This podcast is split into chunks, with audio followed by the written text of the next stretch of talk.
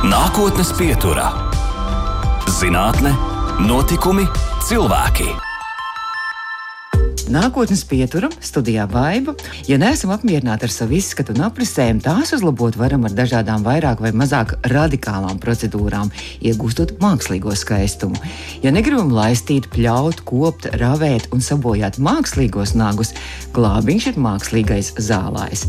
Ja acis no ilgas lūkošanās datora ekrānā kļūst sausas, zem mākslīgajām skrovstām iepilinām mākslīgās asaras. Un, ja nevaram atļauties dabīgos, tad rotējamies ar mākslīgajiem dimantiem. Jā, mēs tiešām dzīvojam laikmetā, kad daudzās jomās triumfē mākslīgais. Un arvien biežāk mūsu ikdienas leksikā sastopamies arī ar jēdzienu mākslīgais intelekts. Ja tradicionāli intelekts ir dzīvās radības domāšanas un racionālas izziņas spēja un spēja pieņemt loģisku lēmumu, tad gluži līdzīgi zinātnes nozare, kas pēta mašīnu saprātīgu izturēšanos, apmācību un pielāgošanos, spēja spēja pareizi interpretēt ārējos datus, mācīties no tiem un izmantot šīs zināšanas, lai pieņemtu lēmumus un sasniegtu konkrētus mērķus, ir mākslīgais intelekts. Nākotnes pieturas viesis ir mākslīgā intelekta pavēlnieks, kura interešu jomas ir datorredze un mašīnu mācīšanās, sintētisko apmācības datu ģenerēšana, efektīvu redzes algoritmu izveide un dabīgā intelekta balstītu konceptu pārnes uz mākslīgo intelektu, elektronikas un datorzinātņu institūta vadošais vadošais pētnieks un robotikas un mašīnu uztveres laboratorijas vadītājs, inženierzinātņu doktors Roberts Kadiņš. Robert, labdien! labdien! Tagad bija tāds, tāds īsais pieteikums un īsais uh, variants, kas ir mākslīgais intelekts. Ja jums vajadzētu vairāk un plašāk paskaidrot to izvērsto versiju. Jā, es domāju, tā virspusē tas bija ļoti labi pateikts, jo tas ir tiešām, ja mēs gribam uh, atkārtot uh, mašīnās kaut kādas cilvēka spējas. Cilvēks ļoti daudz ko dara, izmantojot savu intelektu. Mēs gribam, lai robots to spēj darīt, vai dators, vai automašīna, tad mums ir šīs intelekta spējas jāiedod arī šīm mašīnām. Uh, Joma ir diezgan plaša. Manu interesu lokus visbiežāk ir saistīts tieši ar uztveres spējām, tātad mašīnu uztvere, mācu datoriem, mašīnām, robotiem un citām tādām mašīnām redzēt vai dzirdēt un tā tālāk. Un datorredzes tas nozīmē, ka visbiežāk es darbojos ar redzes uzdevumiem. Un tas nozīmē, robotam tas būtu nozīmētu saprast, kas notiek apkārtējā vidē, mācīt pielāgoties kaut kādām izmaiņām. Datoram tas var nozīmēt, ja viņam iedod attēlu ar medicīnas uzņēmumu, tad noteikti, vai tur ir piemēram redzama kaut kāda slimība vai nav. Un tāpat līdzīgi var apstrādāt ļoti daudz dažādu jomu attēlus, ne tikai medicīna, ne tikai robotu, bet lauksaimniecība, industrija. Uh, ļoti, ļoti plašs pielietojums ir. Arī sadzīvē, ja mums tā liekas, ka mākslīgais intelekts ir kaut kas ļoti attālināts un ļoti kaut kas augsts un nesasniedzams, tad īstenībā sadzīvē ļoti daudz mēs saskaramies arī ar mākslīgā intelekta radītajām arī procesiem un vispārējo. Vai kaut kādi piemēri ir? Uh, jā, tas jau. Uh, Katram kabatā ir telefons. Telefonos jau ir iestrādāts ļoti daudz fun funkcionalitātes, kas prasa kaut kādu inteligenci. Tas jau sākās daudz gadus atpakaļ, kad, piemēram, telefons spēja fotografēt noteikti sējas un redzēt, vai cilvēks smaida, vai cilvēkam acis ir vaļā. Tas jau tāds tagad jau liktos primitīvi, bet ar to jau sākās. Tagad tas pats telefons jau var pateikt daudz vairāk, kas tajā attēlā notiek. Varbūt kaut kāds vai attēls ir interesants vai nē, vai, vai attēls eh, būs novērtēts sociālos tīklos vai nebūs. Dažādas tā, tādas ikdienas lietas. Arī tas, piemēram, kad es fotografēju ar telefonu, bieži man saka, pārbaudiet, vai uh, kamera ir uh, stikliņš ir notīrīts. Arī tas ir mākslīgais intelekts.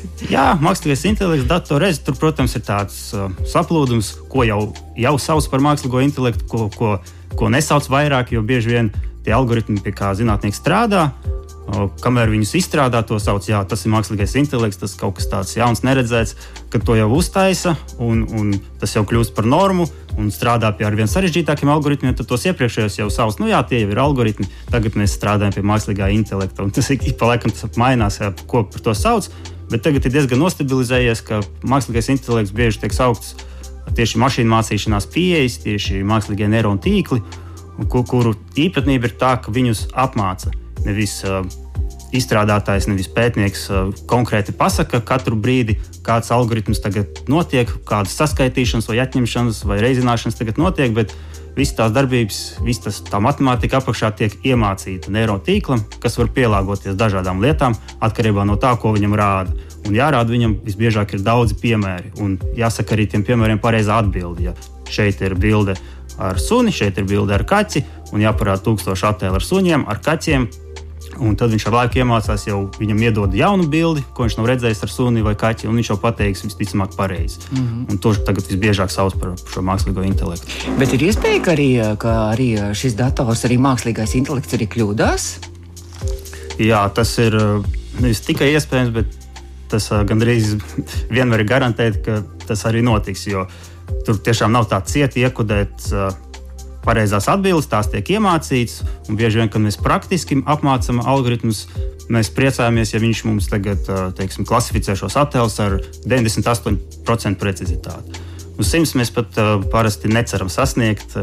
Mēs parasti cenšamies dot ar vien vairāk piemērus, rādīt uh, ar vien vairāk, vairāk šos datus un attēlus, bet tāpat mēs tuvojamies kaut kādiem 90 kaut kādiem procentiem.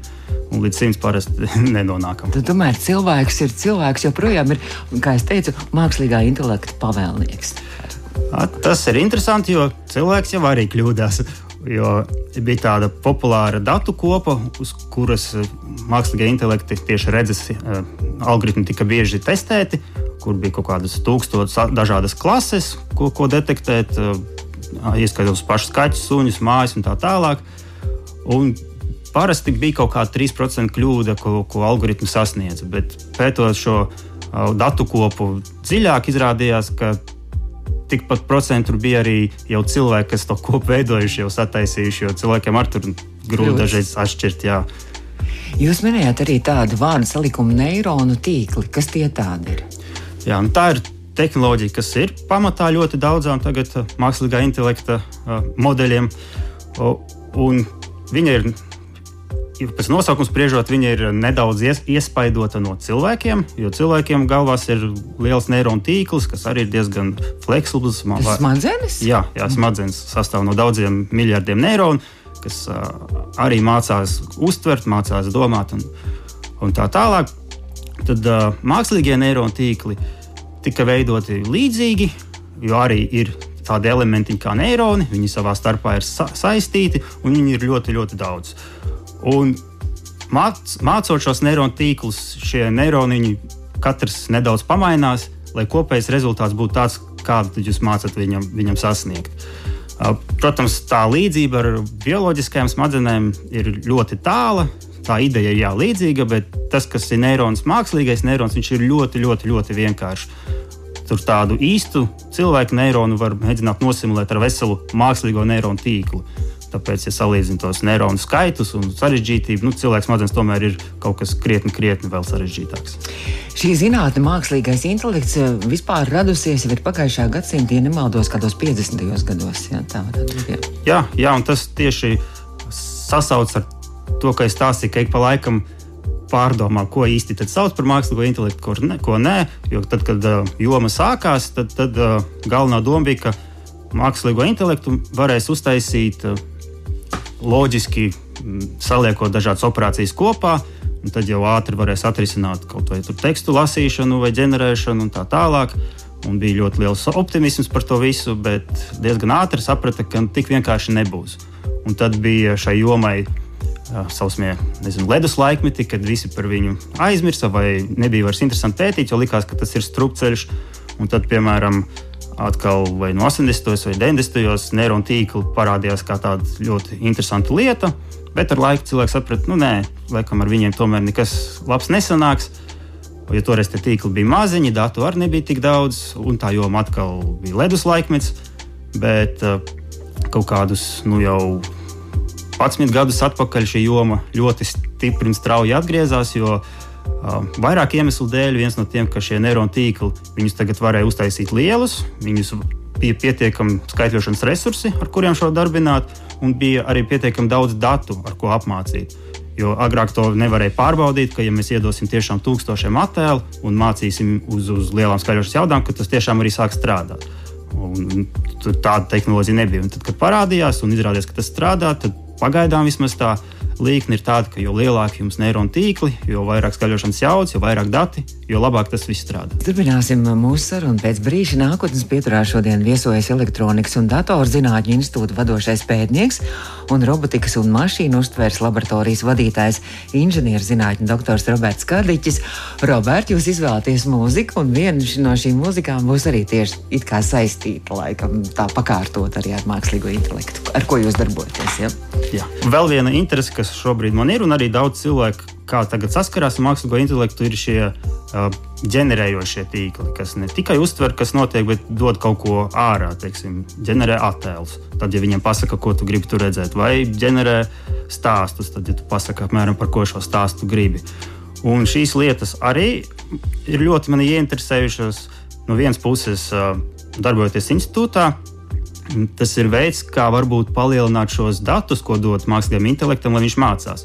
Jo tagad mēs tos datus varam uzģenerēt, izmantojot citu mākslīgo intelektu. Mēs paprasām viņam, kādus datus mums vajag, viņš mums uzstājas, tad mēs tos datus lietojam, lai atkal apmācītu to mākslīgo intelektu, kas mācās redzēt. Tas ir no vienas puses.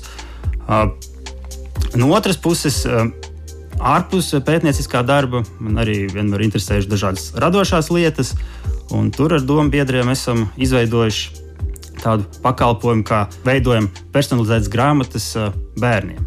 Oh. Tātad tur ir ne tikai stāsts, kas ir personalizēts uh, konkrētam bērnam, ar konkrētu vārdu, varbūt ar konkrētām interesēm, bet arī ilustrācijas, kurās ir redzams pats bērns, kā galvenais varonis visdažādākajās uh, jā, formās, stilos un, un, un piedzīvojumos.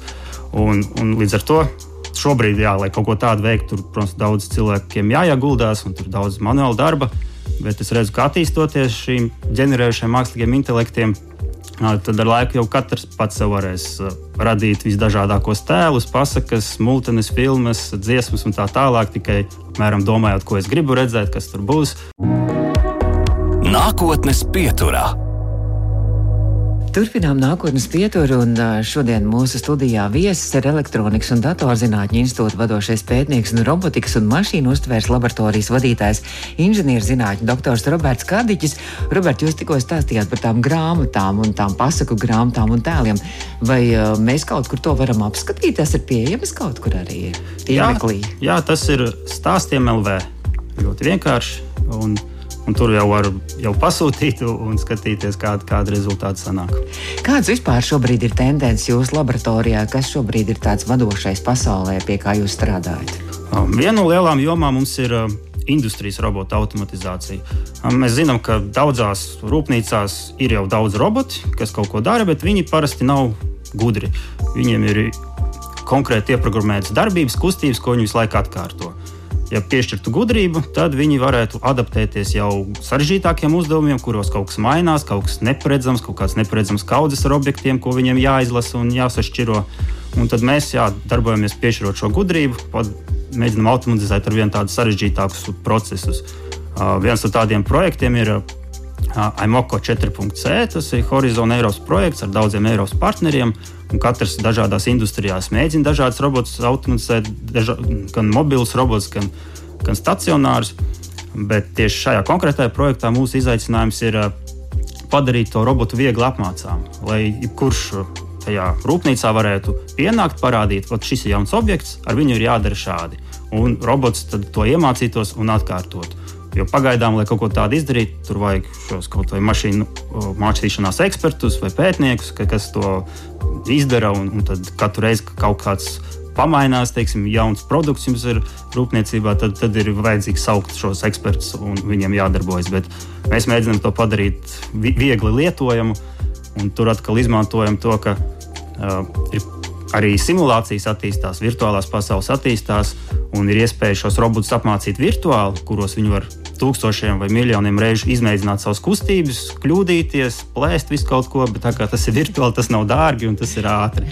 Un tad lielais izaicinājums ir pārnest šo, šo visu darbošanos no simulācijas uz reālo dzīvi. Tā pārnest ir grūti. Tā joprojām pētniecībā ir problēma. Ir tā simulācijas un realitātes plaisa, ko mēs mēģinām pārvarēt. Un šeit atkal palīdz šie ģenerējošie tīkli. Jo pirms, arī pirms laika varbūt bija vairāk par to runāts, bija par deepfakes, kad cilvēkiem mm -hmm. sejas aizstāja. Bet šo tehnoloģiju var lietot ļoti dažādi. Mūsu gadījumā mēs kaut ko līdzīgu lietojam, lai sintētiskus datus aizstātu, padarītu tādus, ka viņi izskatās vairāk pēc reāliem datiem, un atkal varam trenēt savus uzturas algoritmus un padarīt robotus gudrus. Jūs esat pētījis arī efektīvas video apstrādes metodas kustīgo objektu detektēšanai un atklāšanai par šo projektu, kas laikam attīstās un attīstās arī. Ja? Jā, tas uh, saistīts arī diezgan liela joma. Edija ir uh, pašbraucošās automašīnas vai inteliģentās transporta sistēmas. Un tad uh, no vienas puses Mēs jau zinām, ka mašīnas paliek ar vien gudrākas, pēc laika pašas brauks pa ielām. Bet mēs varam padarīt ne tikai mašīnas gudras, mēs varam padarīt arī ceļus gudrus, jeb infrastruktūru gudru.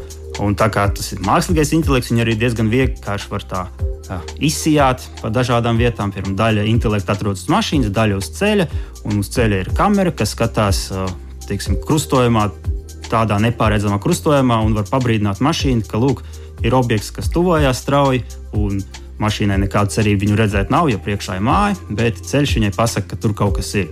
Un arī atšķir, vai tas ir kustīgs vai tas ir stacionārs. Jā, arī, jā, atšķir un vēl pasaka automašīnai, ka viņš nosaka trajektoriju un pasaka, ka visticamāk, ka turpinās kustība tā, kā bija, tāpēc labāk varbūt apstāties. Un, un, jā, nu tas arī projekts saucās Augmented Sīkam. Tad paplašinām gan mašīnas iespējas, gan infrastruktūras iespējas. Bet pats es tajā jomā ar transporta sistēmām sāku ar arī jā, kameras, skatās uz ceļa un skaita mašīnas, vai klasificē smagā, vieglā un tā tālāk. Un tas arī daudz kur jau ir darīts, bet tieši mēs centāmies panākt, ka to var izdarīt ar ļoti maziem skaitļošanas resursiem. Jo, ja mēs iedomājamies, ka mums ir uh, kamera uz katra stūra, kas skatās uz ceļa un teiks, sazinās ar automašīnām, un uz, uzņem video, tad video apstrāde ir diezgan smaga par skaļošas jaudām. Un arī pats video parasti kā dati ir smagi. Tad mēs vai, varam vai nu viņu sūtīt uz serveri, bet tās ir tūkstošiem kameras, kas sūta video, tas ir uh, smagi, vai nu apstrādājam uz vietas. Uz vietas apstrādāt atkal jāliek kaut kādi padārgi datori vai kaut kas tamlīdzīgs. Un mēs centāmies panākt, ka kā pēc iespējas uh, ar mazākiem skaļošanas jaudām tomēr var saskaitīt detektēt mašīnas. Un beigās mums arī izdevās uh, izstrādāt tādu metodi, kas uh, būtībā pie kameras varēja pielikt 5 uh, eiro vērtu datoriņu. Bija tāda Raspberry Pi Zero. Nu, vismaz pirms laika viņi maksāja 5 eiro, un viņi joprojām spēja, spēja to skaitīt. Un tas bija diezgan unikāls. Tāpēc, Uh, gan tikai publikācijas bija par to, bija arī par to patents. Oh, tad uh, var apsveikt jūs. jūs esat uh, ar saviem kolēģiem kopā arī darbojies arī komandā, kas arī izstrādājas arī uh, nezāļu robotu. Jā. Jā, nu tas ir pat plašāk kontekstā. Es pats uh, pie tā robota nestrādāju, bet tas ir laboratorijas ietvaros. Un tur mums ir vairākas grupas, un ir arī citi cilvēki, kas strādā tieši ar mākslīgo intelektu. Ir doktors Kaspars Sudars, viņam ir grupa. Un viņiem bija projekts, kas detektēja nezāles vai kultūra augus, un tad saprata, kur ir kurus būtu jāizrāvē, kurus nē. Tas tika uzlikts uz robota. Tur viņiem mēs paši to robotu neizstrādājām, tas atkal bija uh, partneri. Bet mums bija tieši tā gudrības ieviešana. Un tad, kad tas robots brauc, atrod nezāli, tad bija varianti, vai nu viņš ar lāzeri viņu izdedzina, vai nu mehāniski izravē. Vai tas jau ir ieviests arī kaut kur arī praksē, vai tas tikai pagaidām tikai tā jūsu institūtā? Nu, cik es zinu, tas tālāk tiek attīstīts uh, startupā. Bet kā, kā viņam iet, es precīzi nepateikšu. Runājot vēl par, par dažādiem jūsu institūta projektiem arī un uh, pētījumiem, tad arī Covid laiks, nu, tagad, paldies Dievam, mēs ceram, ka jau, jau, jau iet uz labo pusi, bet pandēmijas laikā arī bija daudz dažādu ideju radās tieši saistībā ar, ar veselības uzturēšanu, veselību, un bija arī viens no šiem roku mazgāšanas arī robots arī tāds, jā, kurā jūs arī pielikāt savu roku, izstrādājāt arī. Jā, pat, tur bija pat uh, divas lietas, bija robots, kas braukā un e, dezinficē rokturus. Tas bija viens, jo tur bija atkal tā gudrība atrast, kur ir durvis, piebraukt klāt un, un uzrakstīt to uh, dezinficēšanas šķidrumu. Uh, cits projekts bija uh, kamera, kas skatās, kā tiek mazgātas rokas un saka, vai pareizi vai nē. Tas to varēja ielādēt mobilajā telefonā. Laikam, jā, jā. Tur gan tie pirmie klienti, kas bija domāti, nu, ja pirmie lietotāji būtu bijuši medicīnas studenti. Jo viņiem ir vesela procedūra pēc uh, standartiem, kā mazgāt. Tur ir kaut kādas astoņas kustības, kas obligāti ir jāizdara, un pietiekami ilgu laiku ir jāizdara. Un kādam tas ir jāskatās uz šiem studentiem. Jākontrolē. Kad, jā, un, un pēc tam nu, ar laiku viņi paši to māca, bet kad viņi teiksim, liek savu eksāmenu, nezinu, tad kādam ir jāskatās, vai viņi to pareizi dara vai nē, jāpamāca, kā tad ir. Un šo lietu jā, mēs izstrādājam algoritmu, kas tā tad skatās, ir pareizi, nav pareizi, vai ir veikts visas tās kustības, un pēc tam var dabūt cilvēks atskaiti, kas tika veikts, kuras kustības viņš aizmirsa vai kuras nepareizi darīja. Un, protams, pēc tam Covid laikā tas jau bija jau aktuālāk, jau vairāk cilvēkiem, jo visiem palika aktuāli pareizi nomazgāt rokas. Runājot par šo mākslu, kad mākslā arī ienāk mākslīgais intelekts, un ka jūs ar to nodarbojaties, jūs teicāt par šo gleznošanu, zīmēšanu, mākslas darbu radīšanu, grāmatu radīšanu, bet jūs ne tikai ar to nodarbojaties, jums ir vēl viens vaļasprieks komponēšana. jā, jā, mūzika jau nodarbojos jau ļoti, ļoti sen. Arī vaļasprieks kopš bērnības. Oh. Gan, gan rakstu dziesmiņas, dziedu dziesmiņas, ierakstu, komponēju. Jums kāda grupa ir? Nē, grupas nav parasti. Solo mākslinieks. Jā, solo arī pats daru.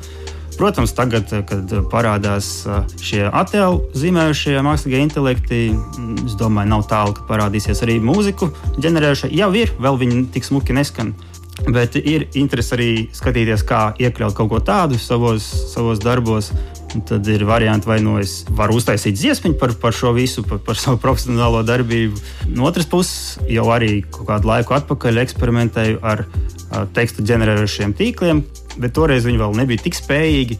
Toreiz viņam, viņus vajadzēja pašam apmācīt, lai viņi kaut ko latviešu varētu izdot, vai, vai pat angliski dzējas formā. Tad, tad tādi eksperimenti arī bijuši ir paskatīties, vai, vai kaut kādus labus tekstus no tā var dabūt ārā. Nākotnes pieturā - zinātne, notikumi, cilvēki. Un mēs turpinām mūsu sarunu nākotnes pieturā robotikas un mašīnu uztveres laboratorijas vadītājs, inženierzinātņu doktors Roberts Kadiķis šobrīd ir mūsu studijā. Kā dzirdējāt, ne tikai mākslīgā intelekta pavilnieks, arī, arī mūziķis. Tikko mēs klausījāmies jūsu arī radītu dziesmu, un tur bija arī tāda vārda - mākslīgais intelekts, ienaidnieks vai draugs. Jā, jā, kaut kā tā apmēram, jā. Nu, tad tas ir draugs vai draugs pasaulē? Šobrīd es teiktu, tas ir ļoti, ļoti uh, spējīgs rīks. Un tad, vai tas tiks lietots labi vai slikti, šobrīd tas ir pilnībā atkarīgs no cilvēkiem, kas viņu lieto. Jo nu, ar viņu var uztaisīt, teiksim, ar tekstu ģeneratoru, kurš šobrīd visiem ir jau pieejams. Ar viņu var gan uzrakstīt uh, pasaku personalizētu kādam savam tuvam cilvēkam vai novēlējumu, vai arī var automatizēt kaut kādu mēstuļu ražošanu vai, mm -hmm. vai kaut kādu krāpniecisku, jā, tiešām vēstuļu taisīšanu. Fake arī, vai ne? Jā, tieši tā. Var uztaisīt ļoti skaistu bildi, ko kādam uzdāvināt, kur, kur viņš redz, ah, oh, jā, mana seja ir mana, mana mīļākās filmas plakātā smuki ielikta. Bet var arī lietot, lai radītu kaut kādu neīsto kontekstu. Jā, mēģināt, arī nolūkos. Jā, arī jā izplatīt kaut kādas neīstas ziņas. Tā kā īstenībā mums ar vien vairāk arī jāuzmanās arī no mākslīgā intelekta tajā pašā laikā. Viņš mums palīdz, bet tajā pašā laikā arī. Jā, jā nu, viņu lietot arī, protams, ir, ir jāmāk pat, ja grib kaut ko labu uztaisīt, no, nodomi ir labi. Tad, ja nav zināšanu, ka tas mākslīgais intelekts, teiksim, tas, kas ražo tekstus, ka viņš var arī pateikt pilnīgi nepatiesību. Viņam paprasta normāli jautājumi, bet, ja viņam datos nav bijis pietiekami daudz pareizās atbildes uz tiem datiem, viņš izdomās savu. Jo, piemēram, tie tekstu uh, modeļi, viņi, visu, ko viņi iemācās, tas ir modelēt tekstu vai sarunu tādu, kādu viņa izklausītos ticama. Mm -hmm. Rezot pēc tā visa, ko viņš ir redzējis. Un izklausīsies ticami, bet fakti var būt arī nepatiesi. Tāpēc uh, ja ties, tas ir kaut kas svarīgs, tas vienmēr ir jāpārbauda vēl arī citos veidos. Tad jāņem, jāņem tā kā vēl cits mākslīgais intelekts, kas pārbaudīs to mākslīgā intelektu radītojiem. jā, jā, un tāda pētījuma arī noteikti ir. ļoti, ļoti sen pagājušajā gadsimtā, apmēram vidū, kāds zinātniskās fantastikas klasiķis Aizeks Azimovs kādā savā romānā arī tādus trīs eh, klasiskos robotu likumus definējis. Nezinu, varbūt jūs zinat, bet pirmais likums ir robots nedrīkst ievainot cilvēku vai arī savas pasivitātes dēļ pieļaut, ka kāds cilvēks cieš. Otrais likums robotam jāklausa cilvēka pavēles, izņemot gadījumu, kad pavēle nonāk pretrunā ar pirmo likumu. Un trešais likums robotam jāizsaka aizstāv sava eksistence, kamēr šāda aizstāvēšana nenonāk pretrunā ar pirmo vai otro likumu. Jūs piekrītat? Man, nu, likumi ir diezgan skaisti, bet tagad jau arī ir vesela pētniecības joma, kā vispār panākt, lai mākslinieks intelekts, nu, ja viņš kļūst krietni spējīgāks un pats jau sāk pieņemt lēmumus, kā panākt, ka viņam šie likumi vispār kaut ko nozīmē. Mm -hmm. Kāpēc viņš kaut ko tādu klausītu? Pagaidām, jā, tā ir joprojām fantastika. Bet cilvēki par to jau domā, jau arī nopietni domā, ka kā, kā saskaņot, ka teiksim, mūsu cilvēces mērķi ir pietiekami līdzīgi šiem mākslīgo intelektu mērķiem, lai, lai nav nekādu lieku konfliktu. Jūs teicāt, ka jūs bērnībā jau no bērnības nodarbojaties ar mūziku. Kā jūs nonācāt līdz, līdz datoriem, līdz mākslīgajam intelektam? Nu, zinātnē man interesē arī jau krietni sen, jo vienmēr likās, tā izzināšana pasaules ir ļoti interesanta. Kādreiz bija daudz grāmatu, encyklopēdijas, kurās visu kaut ko apskatīties, bet tik pa laikam jau nonāca pie lietas, kurai atbildes vēl nav. Un tad tur redzēja, ka zinātnē tomēr ir kaut kas ļoti interesants, kas noskaidro tās atbildes. Bet mācoties tālāk skolā, īsti kā zinātnē, savu mērķi nebija nolicis. Bet tehnoloģijas arī joprojām pievilka. Datori, protams, gan datorspēles, gan mm. datoru visu kaut ko, ko varēja panākt ar datoru. Tāpat pašai mūzikas vaļaspriekam dators krietni palīdzēja, lai dažādus instrumentus taisītu un tā tālāk. Uh, tad tehnoloģijas bija kā interese un izvēloties augstskolu, skatījos viens, jā, nu, tehnoloģijas, protams, perspektīva nozare. Uh, aizgāju tieši mācīties elektroniku, jo nu, tev bija saprast, ka tur būs grūti. Tāpēc tas bija labs iemesls tur aiziet. Un tad jau mācījās. Tāpēc, ka grūti, jā. Nu, jā, Tāpēc gribējās izaicināt. Jā, jā. Jo nebija tā, ka noteikti gribu kaut ko tādu darīt, bet tā kā nebija neviena cita tāda konkrētāka mērķa, tad gāja gan kur būtu izaicinājums, gan tuvu tehnoloģijām, tāda perspektīva. Bet jau mācoties, sapratu, ka jā, interesanti tēma, bet, lai zinātu vairāk, tad pēc bakalaura mācījos tālāk maģistru, jo sapratu, ka bakalauros tika iemācīti pamati, bet uh, gribās jau modernas lietas, to atkal mācīja maģistratūrā. Un tad, kad uh, maģistratūrā bija jāraksta maģistra darbs, meklēja tēmu. Visi studenti tajā brīdī meklēja tēmas. Un bija ļoti, bija ļoti laba iespēja, ka Elektronikas datorziņu institūtā Edija piedāvā tēmu studentiem. Un katru gadu joprojām arī piedāvā vienmēr studentiem, bakalauriem, maģistriem, doktorantiem piedāvā izstrādāt savus darbus. Tad aizgāju paskatīties, kas tur notiek. Tur bija tēma par attēlu apstrādi. Neko daudz par to nezināju, bet tas nepavisam nav iemesls kaut ko tādu nedarīt, kā sākt to darīt. Pirm... Aizrāva. Jā, aizrāva un sāku arī tur strādāt, un tad jau projektos, un tad jau tā zinātniskā karjera aizgāja. Man jāsaka liels paldies, ka jūs atvēlījāt laiku Latvijas Rādio 2 un nākotnes pieturē. Šo raidījumu var noklausīties arī mūsu mājaslapā, pēc tam audio sētē un arī podkāstos lielākajās vietnēs. Elektronikas un datorzinātņu institūta vadošais pētnieks un robotikas un mašīnu uztvers laboratorijas vadītājs, inženierzinātņu doktors Roberts Kadiņš, nākotnes pieturs viesis. Es nezinu, vai mākslīgajam intelektam ir dvēsele. Es domāju, ka nav, bet uh, vismaz to, ko mēs metaforiski saucam cilvēkiem par dvēseli, varbūt kādreiz būs. Un tas būs interesants laiks. Paldies! Paldies. Izskan nākotnes pieturā.